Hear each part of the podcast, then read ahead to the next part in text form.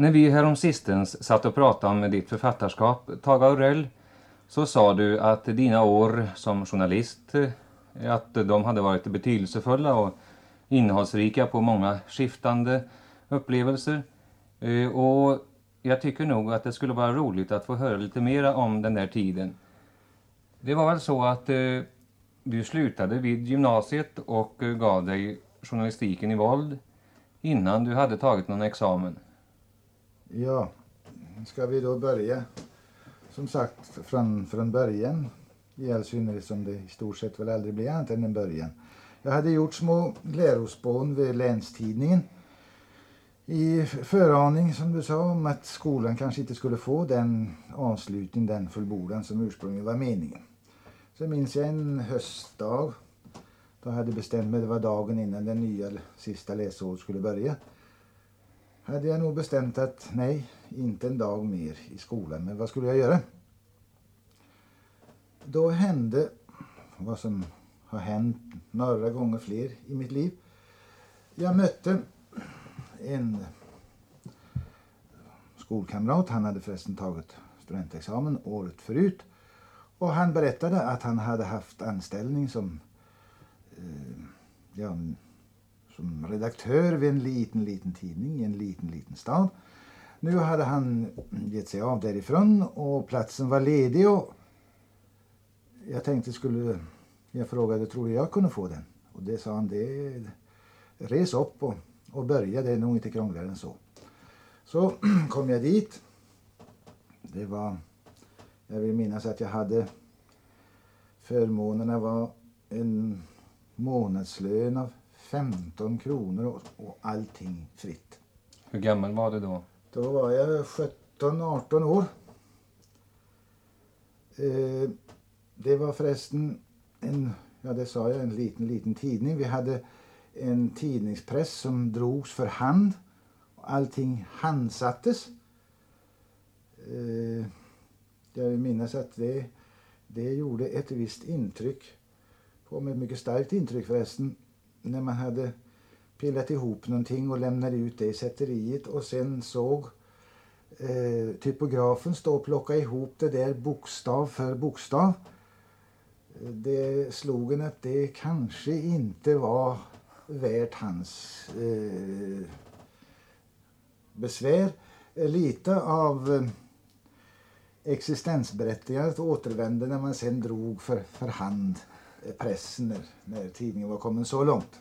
Menar du att eh, din känsla för ord eh, kanske... Det är nog lite för, eh, för mycket sagt. Men, men eh, som sagt, jag, jag, jag minns att jag, jag tyckte några, några, några gånger att, att det var, var lite för mycket eh, påkostat för, för vad man hade åstadkommit. Det fanns ju eh, gånger då man förmätet kanske tyckte att det var, det var sanningen värt att sätta det man hade, hade lämnat ut. Vad du lämnade ut sa du, vad fick du skriva i den här tidningen? Ja, det var, det var allt, allt möjligt. Det var från ledare och, och till, eh, jag tror nästan jag försökte mig på en följetong en gång. Den, den, den fick heller aldrig något slut. Den tror jag stannade vid mitten för jag, jag visste inte vad som skulle komma sen. Um, uh, när jag berättar om det, de där uh, typograferna. Uh, det var ofta så. Tidningen hade inte någon vidare ekonomi och, och jag kan inte minnas att vi hade någon, någon ehm, ständigt sysselsatt personal ute i, i tryckeriet utan vi, vi litade ofta till, vill jag minnas, till vandrande typografer. Det, det kom eh, någon som måndag eller tisdag och, och, tidningen skulle inte i press förrän på, på onsdag. Vi kom ut två gånger i veckan.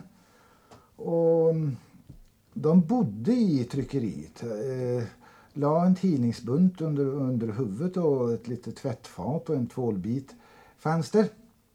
Det var eh, ofta så, så som jag nu minns det eh, eh, sympatiska människor. De hade man fick en känsla av eh, det, deras vandringar, att de hade sett, hade perspektiv på och, och mm, var vanligtvis förbluffande allvarliga. Ibland kanske det berodde på det allvar som följer med eh, en del av dem var väl alkoholister. Det, det, de gav sig iväg sen på, på fredagen när, när veckans andra tidning var, var färdig och sen, sen såg man inte mer till den men, men eh, lyckan vi, vi, vi ville nog som oftast att det, att det kom in i, istället. Sen är detta så pass, så, så pass länge sen. Men eh, jag minns från den lilla stan. Det fanns en, en man som hade någonting som hette 15 öres basar.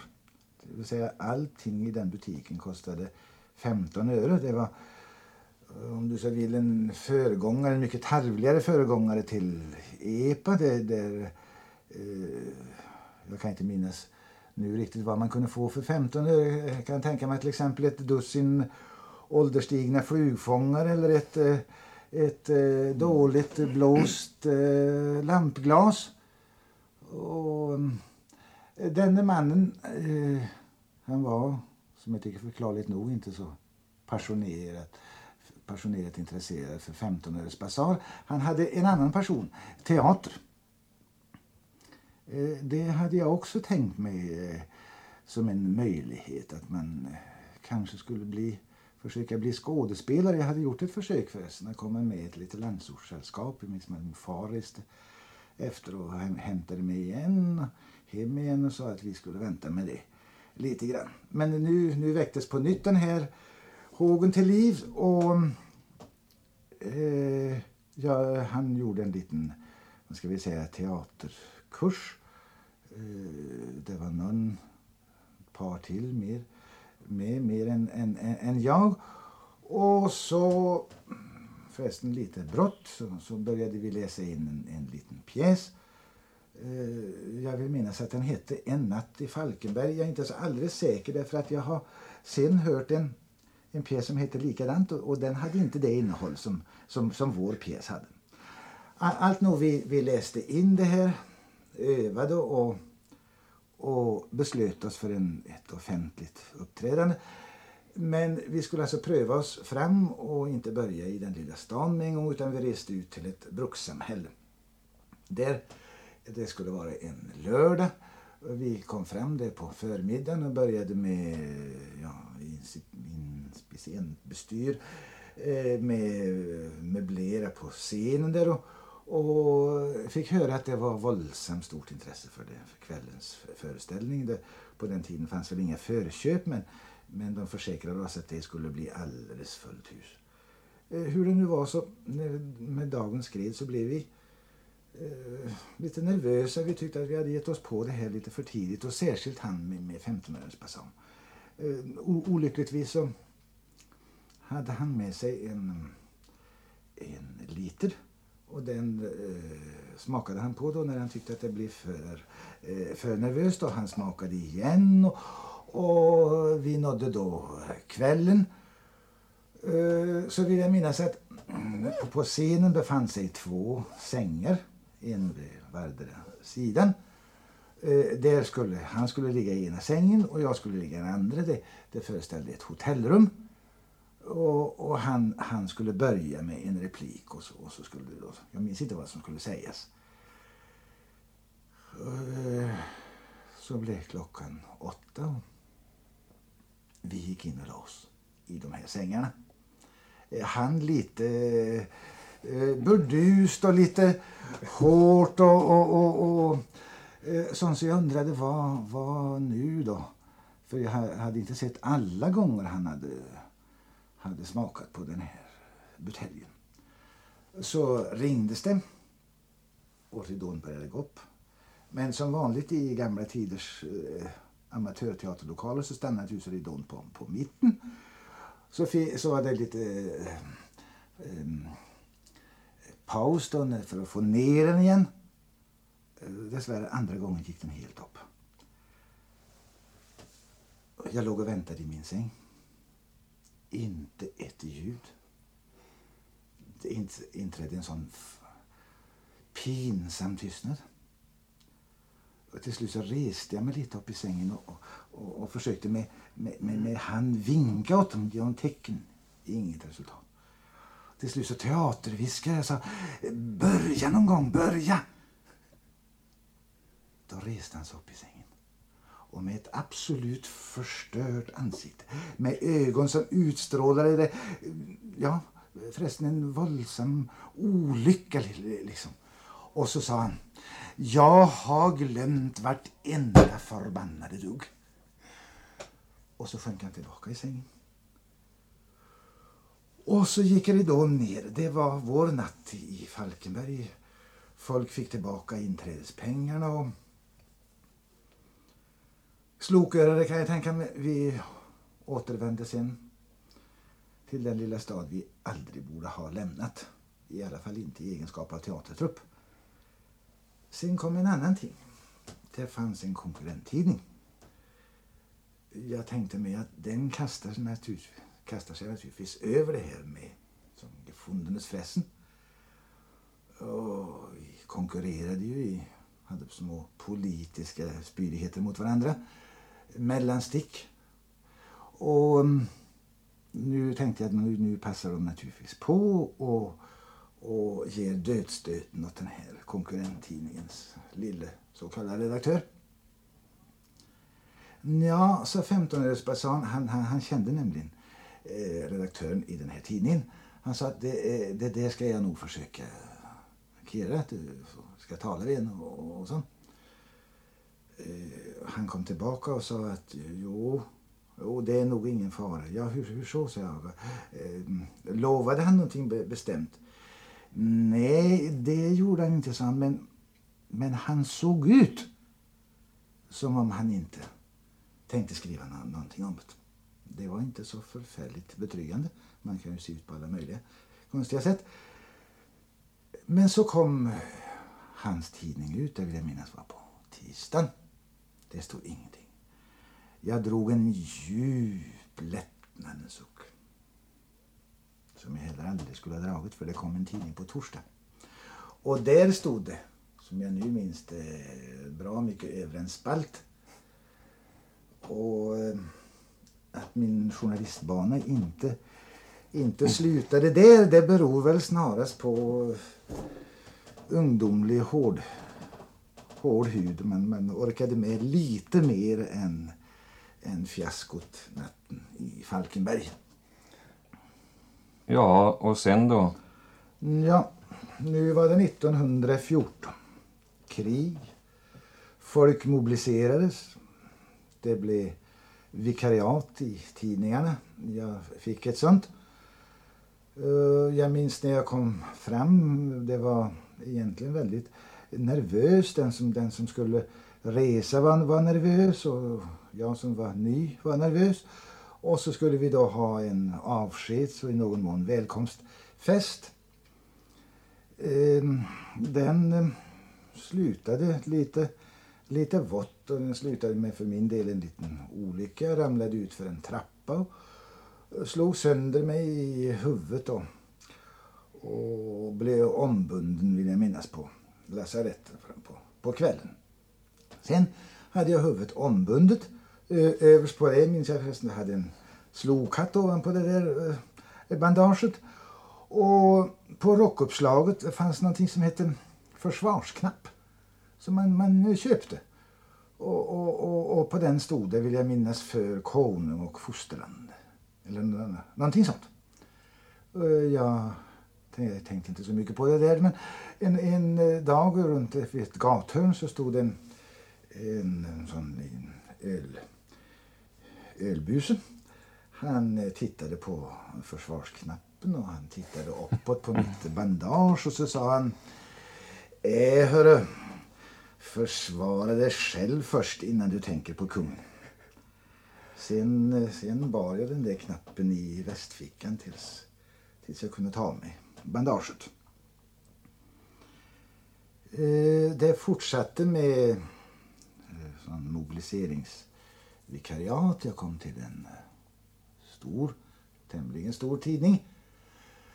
Ehm, den kvällen jag kom så, så säger nattredaktören, det var förresten en lördagkväll och på söndag skulle tidningen komma ut bara i sånt förminskat format med krigsnyheter. Det var, om det var två eller fyra sidor, det, det, det minns jag inte nu.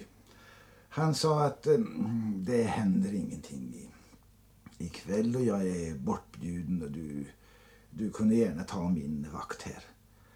Och jag svarade obetänksamt men, men väldigt stolt ja och kände förtroendet och ansvaret. Och, och som sagt, det, det hände just ingenting annat än de vanliga krigsnyheterna ända till strax före pressläggningen. Och det var en ting som då man, jag vill minnas man hade väntat på, som man tog för givet skulle komma kanske när som helst. Om inte just den natten. Nämligen Japans krigsförklaring. Den kom. Jag rusade ner i sätteriet och eh, beordrade bort med andra rubriker. Lämnade ner min ett enda ord som skulle stå över hela sidan. Japan! Utropstecken. I sätteriet hade de också fest. Eh, faktorn kom upp och sa att nej, nej sa han till den lille gröngölingen. Eh, det här är ingen rubrik. Jo, sa han, det är det. Nej, sa han, det, det ska vara flera ord i en rubrik. Det här är bara ett ord. Det räcker, sa jag. Det, det, det, det är ordet som alla har väntat på. Och med kraftuttryck sa han att det och så vidare. Det måste bli fler ord. Vi ger inte ut tidningen med, med, med, med en sån rubrik. Eh, jag satte mig också på mina höga hästar i pur nervositet och sa är det ni eller är det jag som sätter rubrik? Det är ni, sa han, men det är jag som, som eh, ska liksom trycka det här sen och, och, och, det kommer inte ut med min så länge jag är, är faktor här på tryckeriet. Så gick han ner, jag såg i ändan om hur, hur eh, möjligheten att jag backade och, och miste alltså all, all estim och, och sån och visade mig oduglig som nattredaktör. Och, och, eller också att jag höll på mitt och att, och, att tidningen överhuvudtaget kom ut. Det var en förfärligt spännande stund men så som sagt faktorn eh, hade deltagit i den här festen och deltagit eh, tämligen grundligt så, så han blev som lite trött. Och, och, när han blev tillräckligt trött så kom en av eh, typograferna upp och, och sa att jo, ja, det var, det var nog en konstig rubrik men det får bli så i alla fall. Så det, den finns i första världskrigets historia denna. Ja, det var väl att eh, växla mellan utrikespolitiken och mer rent personligt stoff också. Eh, skriva personnotiser. Ja, det... Det... Där sätter du mig på någonting. Det, med, det, det var den tredje eller fjärde tidningen jag var i. Kom också en kväll.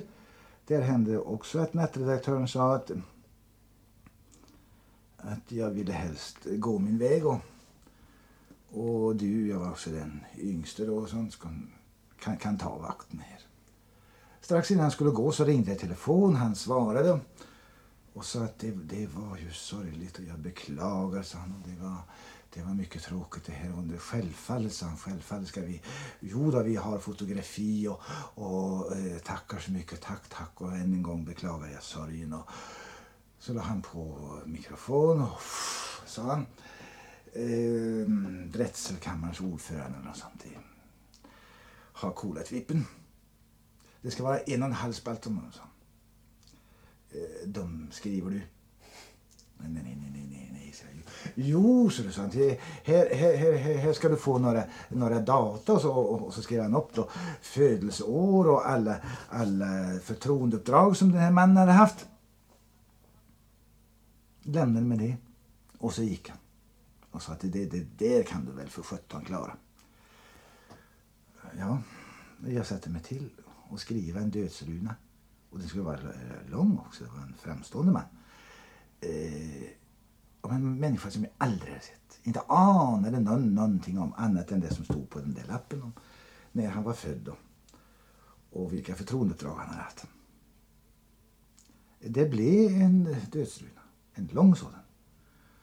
Och om den fick jag höra att den var skriven av en människa som kände den hädangångne ut och innan. Den innehöll ingenting annat än lovord, eloge. Den ena elogen klättrade på den andra. Ehm. Efter det, i den tidningen eh, slutade det inte bra. Det var en ganska förskräcklig chef. Eh, jag vill minnas, eh, det är förresten säkert, att journalister hade en tämligen rättslös tillvaro på den tiden. Det var, det var dåligt ordnat åtminstone ute i landsorten och på många ställen. Eh, det slutade med en krasch. Jag var inne och hötte åt honom med en kliché och sen, sen var det ju ingen fortsättning möjlig. Eh, jag stod på gatan utan betyg, utan pengar och undrade hur i all världen det nu skulle gå. Hem ville jag inte resa och så tidigt förklarat att jag hade misslyckats. Jag hade råkat i den stan en gammal, ja, gammal kanske inte var läkare, eh, bataljonsläkare var eh, En bister, butter man men som jag hade fäst mig vid, eh, jag, jag minns inte i vilket sammanhang men, men jag, jag hade um, känt själv att, att den mannen var det, uh, var det någonting speciellt med. Och utan att jag den dag idag förstår varifrån jag fick modet gick jag upp till honom. Han hade inte många i väntrummet om han ens hade någon. Jag kom fort in och han frågade hur, vad är det fatt med er? Jo, sa jag, jag jag är inte sjuk men, men jag har ingen plats. Jaså, sa han och såg upp förvånad. Eh, men det har ju inte jag med att göra, sa han. Eh, nej, sa jag, men jag har inga pengar heller. Ja, sa han, det har jag väl ändå mindre med att göra. Ja, sa jag, det, det kan tyckas så, men... Men... Eh, jaha, sa han, jag, jag förstår... Mm, ni menar alltså att jag ska försträcka er, hjälpa er med... Ja, ja, ja, ja, sa jag stammande. Det var, det var någon, eh, någonting sånt jag hade, hade menat. Jaha, sa han. Sitt. Så tar han fram ett eh, sånt häfte med växelblanketter och skriver på och signerar och lämnade över till mig och så sa han gå ner i banken med det här. Men sköt det där pappret, Inte förrän nere på gatan och på väg in i banken såg jag att 500 kronor. Eh, jag skötte den växeln. Det är den enda jag har haft. Den sköttes, den omsattes i en oändlighet vill jag minnas med 25 kronor var gång. Men, men nu är den i alla fall för länge sedan ur världen. Hör du en sån landsortsbohem, en journalist ute i en landsortsstad. Eh, hur avtecknade han sig mot den övriga miljön? Ja, det, det, det, det där blir också vad det, vad det gäller mig en, någonting av en samvetsfråga. Du sa bohem. Men, men, men, men, men så jag, jag, jag slog över i, i det motsatta. Jag, man var ensam och och på något underligt sätt, jag hade inte, eh, jag minns inte några vidare, vidare kontakter. Det var, det var arbetet och, och, och, och, och utanför det, jag minns in, ingenting. Det, det, det fyllde jag på det sättet. Och det var, då hade jag visst tämligen bra lön. Och, och eh, precis som skinnknuttarna nu skaffar sig eh, motorcykel och fina jackor och, och sånt så, så la jag mig till med en väldigt elegant överrock. Någon sorts livrocksaktigt förstår du. Och, och, och lackskor, jag minns jag promenerade med i. Och, och en käpp med silverkryck. Och, och, och, och gud hjälp mig, hög hatt förstår du. Gick jag omkring på, på söndagen. Det, det, det var jag förresten inte ensam om. Eh, Renés Doré eh, promenerade sig då i, i höga hattar. Det, det, det, det hörde till. Så minns jag jag mötte en söndag förmiddag i all den elegansen min chef.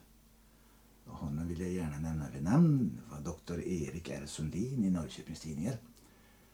Eh, I en eh, liten eh, oansenlig vinterrock och en liten tillknycklad hatt. Och han såg ju lite undrande upp på den eh, eh dandyn. Och, och, men eh, promenerade sig sen i mitt sällskap en, eh, utåt landet och denna söndag förmiddag. Jämfört med våra dagar så var det väl ändå en relativt lugn eh, miljö på tidningarna. Eh, det var väl inte sådan jäkt och eh, journalisterna behövde väl inte ligga i selen på samma sätt som nu för att få tag på nyheter. Ja, det kan jag ge dig ett litet exempel på hur det kunde gå till undantagsvis. Eh, jag var i en eftermiddagstidning, vi mm, nästan alltid proforma, så ringde man ner till, till polisen och frågade om det, om det var någonting och fick, fick som sagt vanligtvis svaret att det var, det, var, det var ingenting. Ända tills en dag kommissarie Gustafsson sa ja, jo, jo här, här, här är någonting men det är så pass långt så du får, du, du, du, du, du får komma ner. Ja, ner i tryckeriet och sa här, här, här kommer en historia, vänta, vänta, vänta. Ner och jo, det hela gick ut på att eh, föreståndarinnan vill jag minnas för varmbadhuset hade skött det så att det fanns inte så mycket som fem öre kvar i kassan. En, eh, om inte jätteförskingring så i alla fall en grundlig förskingring. Och eh, hon hörde i viss mån till, vad ska vi säga, de, om inte de upperst så i alla fall eh, någonting där. Så det var, det var en, en, ja, en skandal. Jag skrev så pennan glödde kom stolt tillbaka till tidningen, slog upp det stort och, och, och, och var ganska nöjd. Tänkte nu har vi en stor fin nyhet. Efter en liten stund, jag satt liksom och vilade på mina lagrar, det ska man ju aldrig göra, så kommer chefredaktören upp och säger att jaha, sa han, det här det här var en mycket sorglig historia det. Ja, så eh, jag höll med om att det var sorgligt men, men, men eh, jag tyckte inte tonvikten liksom skulle läggas på det utan på, på, på nyhetsvärdet att det äntligen hände någonting som det så slog gnistor om. Jaha, sa han, det var, det var så sorgligt och jag... Um, det, stackars människor, sa han. Uh, jag tror vi, mm, vi låter det där vänta. Vi låter, vi låter Östergötlands Dagblad komma med det i morgon bitti. Det är tids nog. Det dröjde nog hela den dagen och åtskilliga dagar till innan jag förstod hur pass fint det det var. Men det, det har jag förstått sen och det finaste som livet kanske medför det är möte med gentlemän.